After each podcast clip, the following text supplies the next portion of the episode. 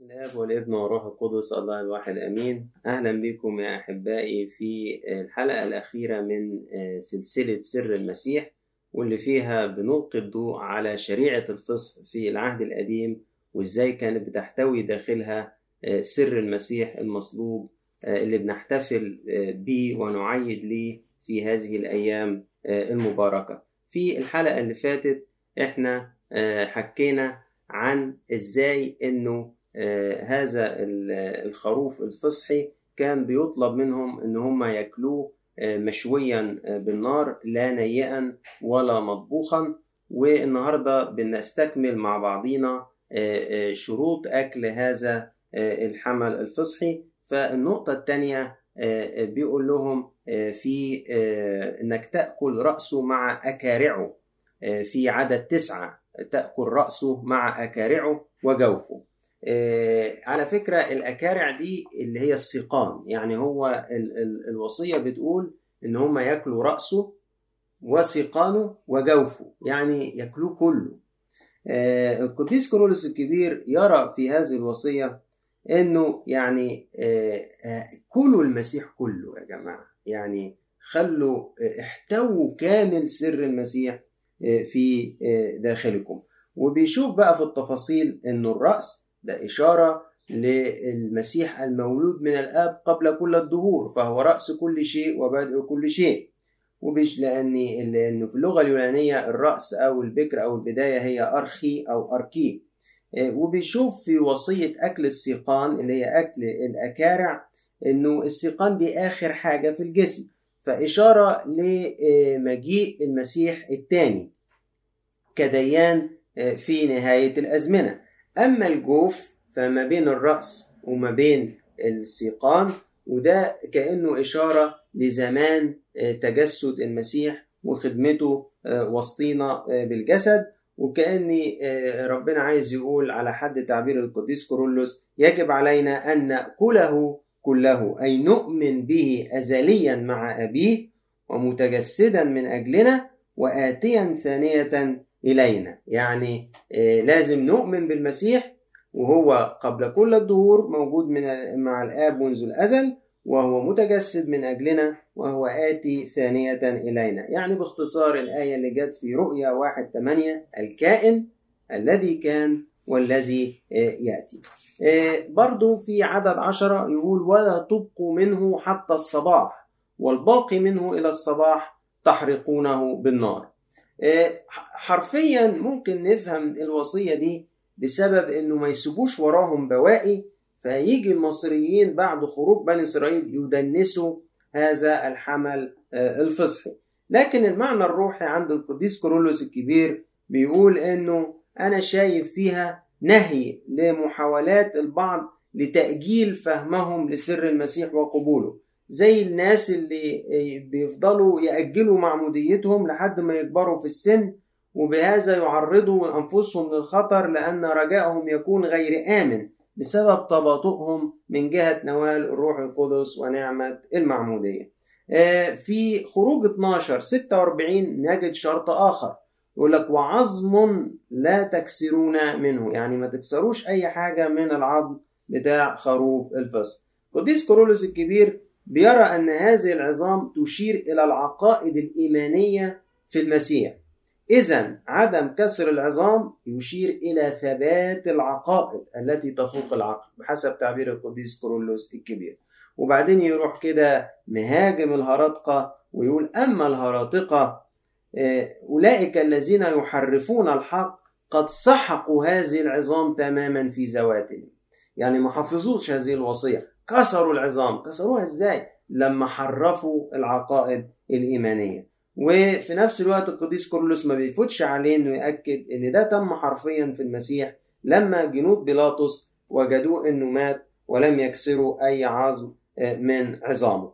نجد أيضا وصية أخرى في أكل خروف الفصح. الباقي منه إلى الصباح تحرقونه بالنار. لما يحرقوه بالنار هيختفي.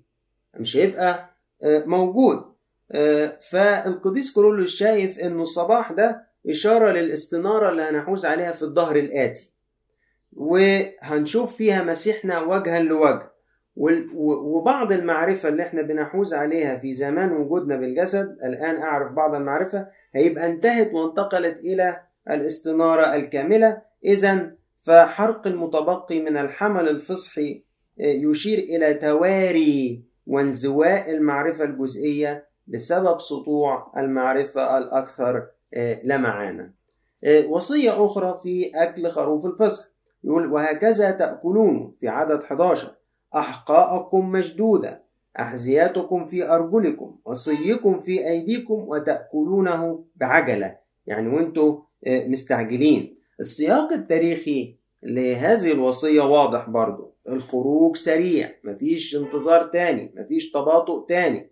الشعب انتظر كتير ومش هيستنى تاني. قد أتت الساعة. خلاص محدش هيستنى. ده أنتوا هتطردوا طرد من أرض مصر. العالم اليهودي المتنصر ألفريد أدرزهايم ليه تأمل جميل؟ بيقول إن مشهد كهذا يعني لما تبص تلاقي العبرانيين العيلة قاعدة تاكل لابسة هدومها ومنطقة أحقائها لابسة أحذيتها في أرجلها وماسكة عصيها في أيديها يقول لك مشهد كهذا هو شهادة إيمان. مشهد كهذا يعني الشكل ده بس المنظر ده بس بتاعهم هم بياكلوا في حد ذاته شهادة لله. شهادة للإيمان شهادة لحقيقة الخلاص من الدينونة اللي هتأتي على فرعون وشعبه. أما المعنى الروحي فالقديس كرولوس الكبير يقول الأحقاء المشدودة دي إشارة لسرعة التصرف والحيوية يعني لازم المؤمنين يكونوا مسرعين بشجاعة تجاه البر. وإنهم لابسين أحذيتهم إشارة لاستعداد الإرادة للمسير في طريق الرب دون إبطاء. زي ما قال القديس بولس حزين أرجلكم باستعداد إنجيل السلام. وماسكين العصيان في إيديهم إشارة لاستنادهم على الرجاء. والأكل بسرعة يشير إلى أية همة ونشاط. وبعد عن الكسل. الذي يجب أن يحتذي به الذين يتبعون المسيح. برضو من الشروط بتاعة أكل الخروف الفصحي إنه على أعشاب مرة يأكلونه السياق التاريخي طبعا إن هذه الأعشاب المرة هي إشارة لمرارة العبودية.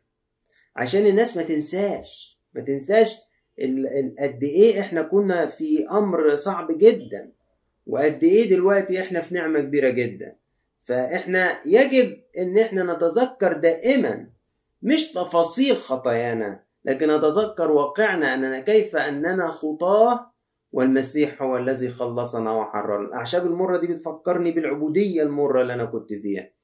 ويجي عليها بقى الحمل الفصحي يلاشي مرارتها ويعطي هذه الوجبة طعمها ولذاذتها.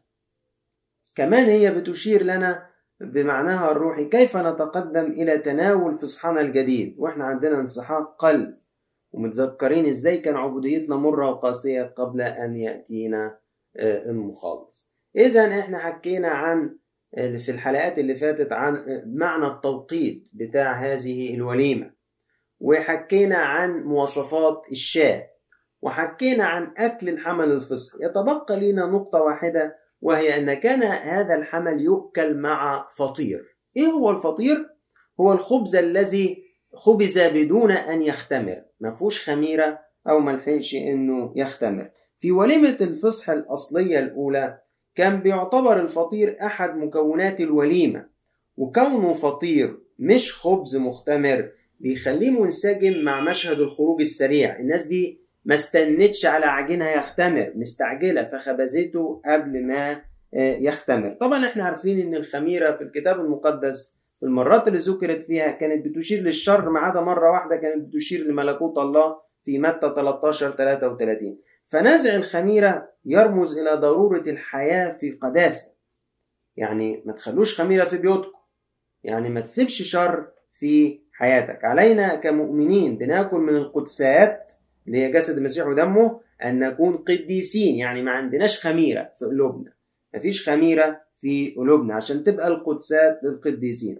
قديس كارولوس الكبير يقول أخيرا يأمر أولئك الذين أكلوا الحمل المقدس أن يغتزوا لمدة سبعة أيام بفطير مشيرا بذلك كما يبدو إلا أن الذين تقدسوا بواسطة المسيح سوف يتغذون على رغبات طاهرة ويبتعدون عن أي شر. قديس مار أفرام السرياني شايف مدة السبعة أيام دي إشارة إنك تقدس العمر كله لأن سبعة ده رقم الكمال. يعني يلي بتتناول جسد رب ودمه مش تقدس اليوم اللي اتناولت فيه بس مش تقدس يومين ثلاثة بعديه تقدس العمر كله لربنا. القديس بولس الرسول في كورنثوس الأولى خمسة من ستة لثمانية يقول كده ألستم تعلمون؟ أن خميرة صغيرة تخمر العجين كله إذا نقوا منكم الخميرة العتيقة لكي تكونوا عجينا جديدا كما أنتم فطير. لأن فصحنا أيضا المسيح قد ذبح لأجلنا. إذا لنعيد ليس بخميرة عتيقة ولا بخميرة الشر والخبث بل بفطير الإخلاص والحق. إذا وجود الفطير على المائدة يشير إلى إخلاصنا للمسيح. إن إحنا نعيش حياة مقدسة للمسيح لأنه ما فيهوش خميرة ما فيهوش شر. فيجب أن تكون قلوبنا قلوب مخلصة للمسيح. قلوب لا تخفي الشر في داخلها بل على طول تظهره أمام الله في صلاة توبة وعلى طول تسرع بيه لأب الاعتراف وتقدم توبة. وعشان كده اللي يتناول من الفصح لازم يكون فطير هو نفسه فطير يعني وجود الفطير على المائدة مش لأنه هو جزء من الوجبة بل إشارة للي هياكل الفصح يجب أنه يكون مثل هذا الفطير ليس فيه خميرة أي أن حياته مقدسة. أدينا شفنا على مدار الحلقة دي وكل الحلقات اللي فاتت إزاي يا أحبائي كان خروف الفصح وشريعة الفصح إشارة لسر المسيح المصلوب. وشفنا في كل تفاصيل دقيقة منه. كيف كانت تشير إلى سر مسيحنا المصلوب من أجلنا. يتبقى علينا إن إحنا نشكر الله الذي أفصحنا يعني خلصنا وأفرد جناحاته عشان يستر علينا من الملاك المهلك وحفظنا من الدينونة وخلصنا واقتنانا واشترانا له وأعطانا إمكانية أن نصير خليقة جديدة. وأن نحيا حياة جديدة وأننا دعينا من, من العبودية إلى الحرية لا لنعيش في استهتار بل دعينا لكي ما نعيد للرب ولكي ما نعبد الرب. ربنا يدينا نخرج من هذا الأسبوع المقدس وإحنا فطير ليس فينا خميرة. ربنا يدينا إن إحنا بنهاية هذا الأسبوع نتحرر ونسير في دورة القيامة نمجد مسيحنا القائم وهو حررنا من سلطان الخطيئة والموت لا لكي نحيا لا لكي نحيا في استهتار بل لكي ما نعيد للرب كل أيام حياتنا ونعبده بإخلاص وتقوى. كل سنة وحضراتكم طيبين ولإلهنا كل مجد وكرامة في كنيسته إلى الأبد. آمين.